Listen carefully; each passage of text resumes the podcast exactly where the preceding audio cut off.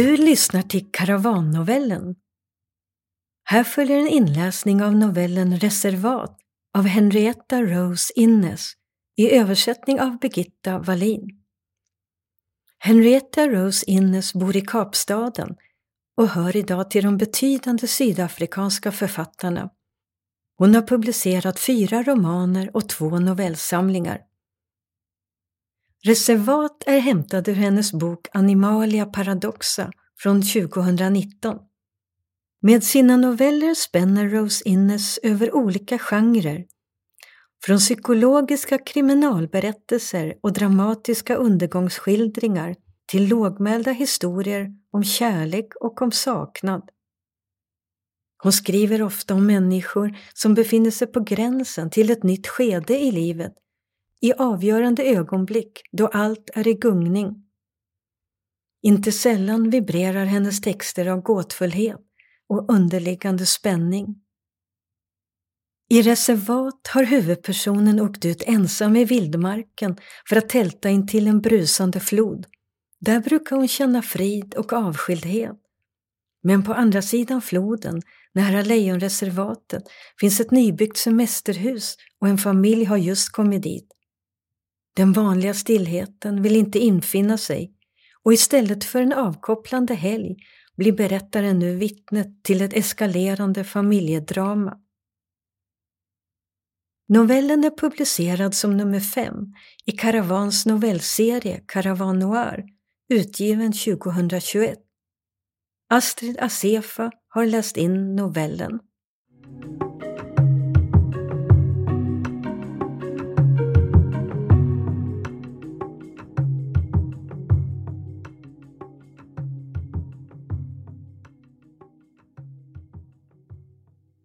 Reservat En novell av Henrietta Rose Innes Jag brukade åka den där långa vägen med mina föräldrar när de levde. Vi hade ett hemligt ställe där vi brukade kampa. Och efter deras död försökte jag åka tillbaka dit vartannat år eller så. Det kändes aldrig farligt att vara där ensam, så avskild. Vem skulle kunna veta att jag var där? Men det är klart, Själva resan var ett orosmoment. Ifall det hände något med bilen kunde det dröja länge innan någon hade vägarna förbi. På den där vägen är stängslen det enda som sticker upp ur marken. Jag menar fårstängslen i metalltråd, som hålls på plats av trästolpar och stenar ditsläpade från fälten. De står stadigt. Förr i tiden hindrade de springbockarnas vandringar när de stora vilda jordarna ännu fanns. Nu handlar det bara om får, och det är inte allt för många av dem heller på denna torra mark.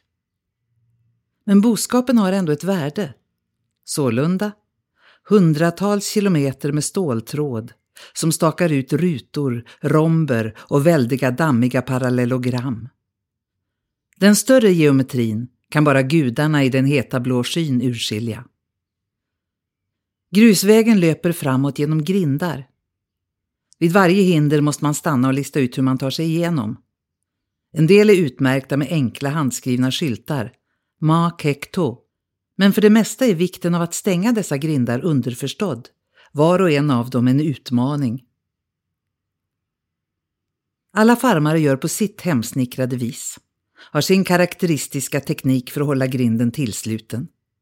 En mekanism alltför fiffig för fåren, men inte för fiffig för den sällsynta mänskliga besökaren. Somliga utgörs av pluggar och somliga av kedjor. Somliga av hakar och somliga av byglar. Somliga är robusta hembyggen med rader av rör. Somliga bara rostiga härvor av metalltråd. Efter att en gång ha passerat genom fem eller sex av dessa varianter blir man skickligare på att avläsa spärrhakarnas och hasparnas språk. Men det är fortfarande en omständlig sak, detta öppnande och stängande. Det bästa är att ha någon med sig som har grindtjänst. När jag brukade åka med mina föräldrar var det alltid jag som fick hoppa ut på de heta stenarna som brände under fötterna och brottas med låsanordningarna. Under just den här resan kände jag mig ängsligare än vanligt. Kanske för att bilen hade krånglat och inte velat starta. Jag lät motorn vara på medan jag öppnade grindarna för att vara på den säkra sidan. Efter varje grind jag tog mig igenom greps jag av en plötslig paranoia. Kände mig tvingad att gå tillbaka och se efter att jag verkligen hade stängt den. Jag såg för mig hur fåren strömmade igenom. Och följderna. Men ju längre jag kom, desto svårare verkade det att vända om. Blotta tanken på att stänga till och öppna alla de där fårgrindarna i motsatt riktning var utmattande. Så jag fortsatte och stängde mig själv djupare och djupare in i landskapet. Även om det kom som en överraskning blev jag faktiskt glad över att se ett annat fordon. Först var det bara ett moln av gulrött damm. Men när det skingrades syntes den kvadratiska formen av en stor och ny fyrhjulsdriven bil som hade stannat framför mig. En kvinna hoppade ur passagerarsätet för att ta sig an grinden. Jag blev irriterad över att hon stängde den efter sig. Det innebar att sysslan dubblerades för mig, som måste mixtra med grinden både innan och efter att jag kört igenom. Men vid nästa tillfälle hade kvinnan sett mig och därefter lämnade hon grinden öppen vid varje stopp. Hon var en storväxt kvinna, men rörde sig snabbt, som om hon var stressad. Varje gång vred hon på huvudet och stirrade, nästan som om hon sökte min blick och vände sedan hastigt tillbaka, som om något ryckte i henne inifrån bilen. Hon skyndade sig att dra den långa metallgrinden i bågen i dammet. Föraren väntade på henne rätt långt fram på vägen, längre bort än vad som var nödvändigt. Hon var tvungen att småspringa för att komma ikapp och bilen började rulla framåt nära nog innan hon hade fått igen dörren. Jag kunde inte urskilja mycket genom den igendammade bakrutan, men det var uppenbart att det satt en skitstövel i förarsätet. Vid den sjätte eller sjunde grinden trappades det hela upp. Kvinnan lämnades kvar, med ett hårt grepp om grindens översta hasp medan bilen for iväg. Jag körde försiktigt igenom, stannade sen och öppnade framdörren på passagerarsidan. Kvinnan stängde grinden bakom oss. Vid det här laget höll den stora familjebilen på att försvinna in i dammet framför oss. Hon slog sig ner på sätet utan något försök till leende. Tack, sa hon och drog igen dörren. Är allt okej? Okay? frågade jag. Hon nickade stelt. Hon hade på sig en kakiblus och fritidsbyxor. Hennes runda kinder skulle ha glänst av svett om det inte varit för det gulröda dammet som låg som ett puder över dem. Han är bara på dåligt humör, sa hon. De kommer att vara där framme. Hon drog sitt lockiga hår, mörknat av svett, bakåt med handflatorna så att det blev ränder i pannan. Hon hade ganska stora, stirrande ögon. Jag kunde bara se det högra från sidan eftersom hon höll blicken fäst på vägen framför oss. Fem minuter senare kom vi fram till nästa grind. Bilen stod där, väntande. Vi körde upp bakom den. Kvinnan tog sig ut med ännu ett stelt tack och gick för att öppna grinden åt honom, som tidigare. På den andra sidan klev hon in i deras bil igen, som om inget hade hänt. Nu kunde jag se ett par små huvuden sticka upp i baksätet. Inne i min bil var det som att det knastrade av spänningen och missmodet hos kvinnan som varit där. Hon hade lämnat en dammfläck på passagerarsidan. Ett avtryck av handen fastklämt på dörrhandtaget. Det var inga fler grindar. Deras bil svängde till vänster in på den asfalterade avfarten till ett nytt naturreservat. Det var ett lite skrytigt ställe. Det första längs den här vägen med ett högt viltdjursstängsel. Entrén utgjordes av två elefantbetar i cement som i var sin båge sträckte sig mot himlen, fastän det inte längre fanns några elefanter i den här delen av världen. Caia Leone Lion Sanctuary stod det på en skylt nedanför, låtsasuthugget i låtsaselfenben. Jag fortsatte längs med grusvägen, numera inhägnad på ena sidan av ett två meters viltdjursstängsels glänsande nät. Efter ett par kilometer svängde stängslet runt ett hörn och fortsatte ut i markerna rakt fram. Och jag blev ensam med vägen igen. Min avfart, en väg inte bred nog för två bilar, var lättare att hitta än jag befarat. Så fort jag tagit in där kändes det bättre. Jag kände mig mindre iakttagen, ensam på ett tryggare vis. Jag hade kommit fram snabbare än jag trott och det var ännu eftermiddag. Jag hittade vår gamla tältplats utan problem och allt var som förr. Den behagliga svala luften under akaciorna, den vita sanden, ruinen efter ett gammalt lerhus med ugglor och duvor under takfoten och benen efter ett får vitblekta inne bredvid eldstaden. Inget förändrades här, förutom de stegvisa processerna i naturen som försiggår i det tysta. Ett getingbo som sakta blir större, ett omkullfallet träd på väg att sjunka ner i förnan, nykläckta spindlar som väver ihop gamla mönster.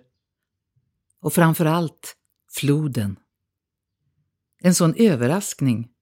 Den plötsliga fuktigheten och svalkan när jag försiktigt tog mig ner för strandbredden. Den grandiosa rörelsen av glittrande, skifferfärgat vatten skymtande genom grenarna. Här var floden ganska djup och stillsam. Uppströms till vänster skar den genom landskapet som hade sett så platt ut från vägen och öppnade upp en stenig passage med små forsar, en blygsam ravin och en rad branta klippor i miniatyrformat. Jag tog av mig skorna och kände leran mot mina fötter, följt av njutningen av det svala vattnet som rörde sig upp för mina vader. Jag hade inte insett hur varm och uttorkad jag var. Jag klädde av mig allt utom bh och trosor och paddlade iväg med armar och ben. Då och då förlorade jag kontakten med botten. Strömmen var väldigt svag, knappt märkbar, och det var lätt att vada uppströms. Att simma på de djupare ställena, men ibland slog jag i fötterna där vattnet skummade vitt över den steniga bädden. Jag sjöng för mig själv, gamla lägereldsånger. Men på den motsatta stranden något nytt. Ett viltdjursstängsel kom ända ner till vattnet för att dricka. Stramt och skinande. På en skylt fäst vid det stod Kaja Leone, överträdelse beivras.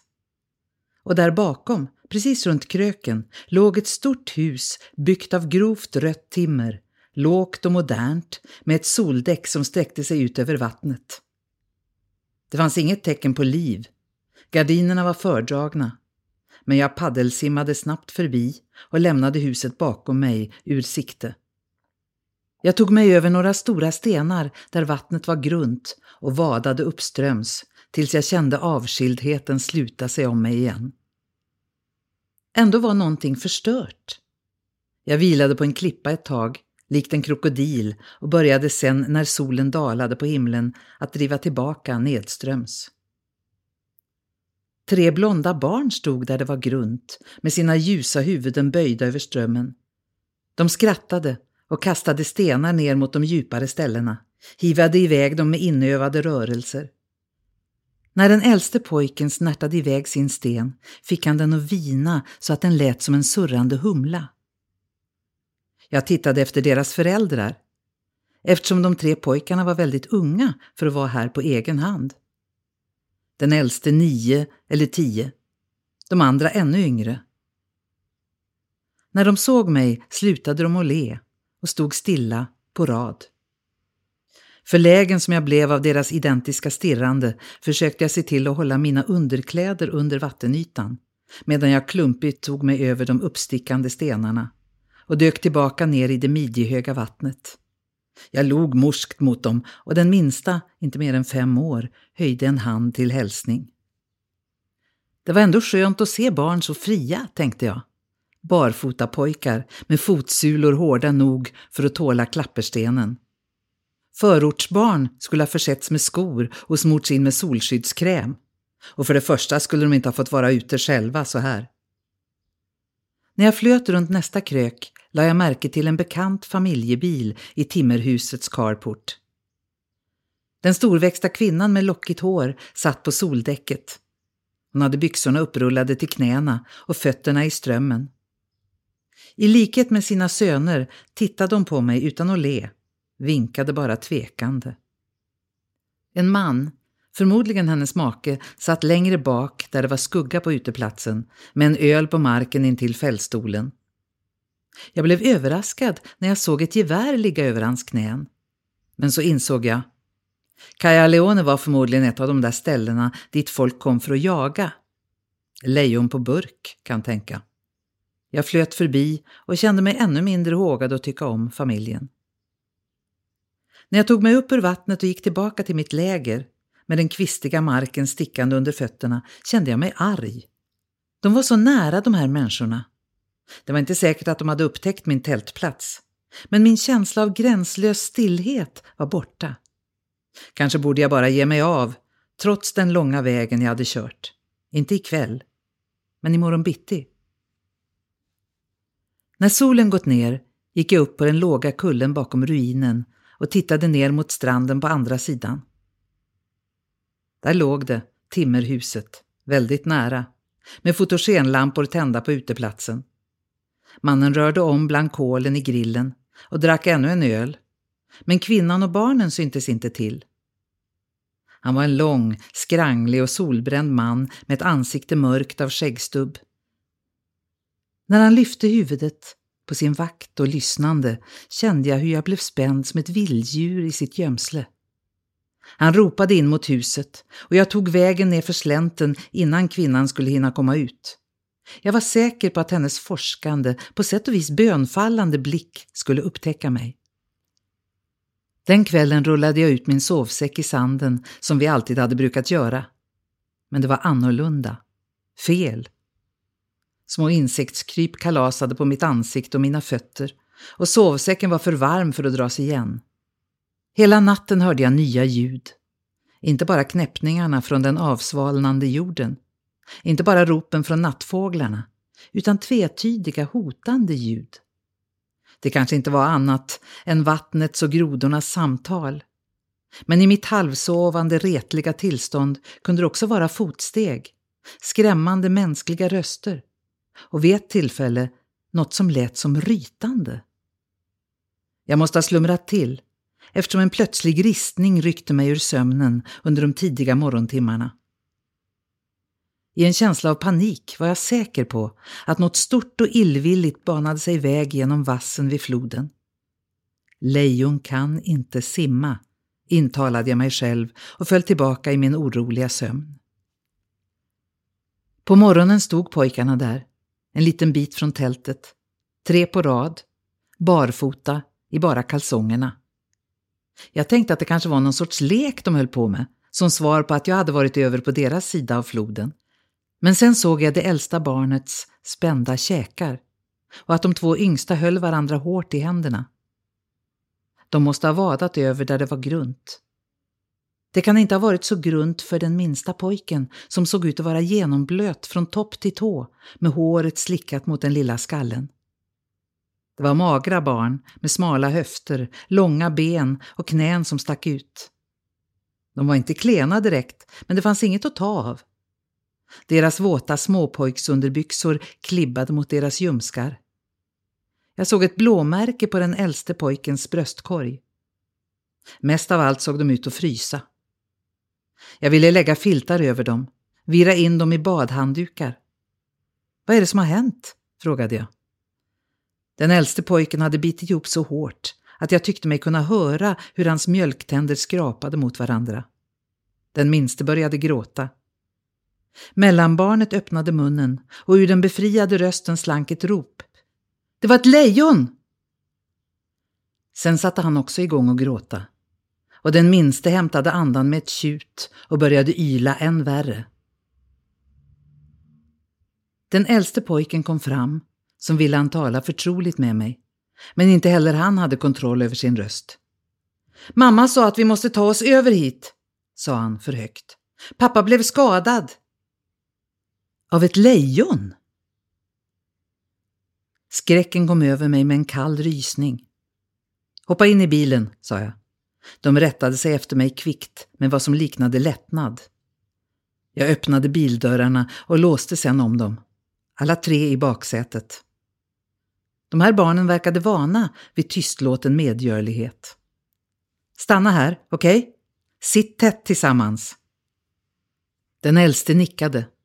Rösten hade försvunnit igen. Ur bagageutrymmet hämtade jag en flaska vatten, en chokladkaka och några apelsiner. De få extra T-tröjor och handdukar jag hade med mig. Jag öppnade bilen och langade in grejerna där bak till pojkarna. Sen drog jag ner fönstret lite grann. Tänkte på överhettade hundar i bilar.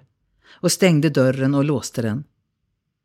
Efter viss tvekan kastade jag in nycklarna i baksätet. Håll er där inne, okej? Okay? Håll dörren låst. Nickningar. Er pappa, behöver han en ambulans? Hur är det med er mamma? Er mor? Pojkarna såg rädda ut. Den minste bet hårt i en apelsin. Jag gick tillbaka till floden och den verkade djupare, alldeles för djup för att sådana små barn skulle ha klarat av den. Vattnet var fortfarande mörkt i morgonens skugga och det kändes lent och liksom grumligt mot min hud när jag gick i. Svårare att föra åt sidan. Strömmen var mer ihärdig. När jag kom runt kröken simmade jag tvärs över floden i dess fulla bredd fram till husets soldäck. Hävde mig upp och satt där ett slag på huk och lyssnade. Inga ljud, förutom en liten fågel som sjöng någonstans inne i buschen. Inne var det alltför välstädat för att vara ett semesterhus. Jag tittade in i rummen i tur och ordning, såg hopvikta handdukar, undanplockade tallrikar.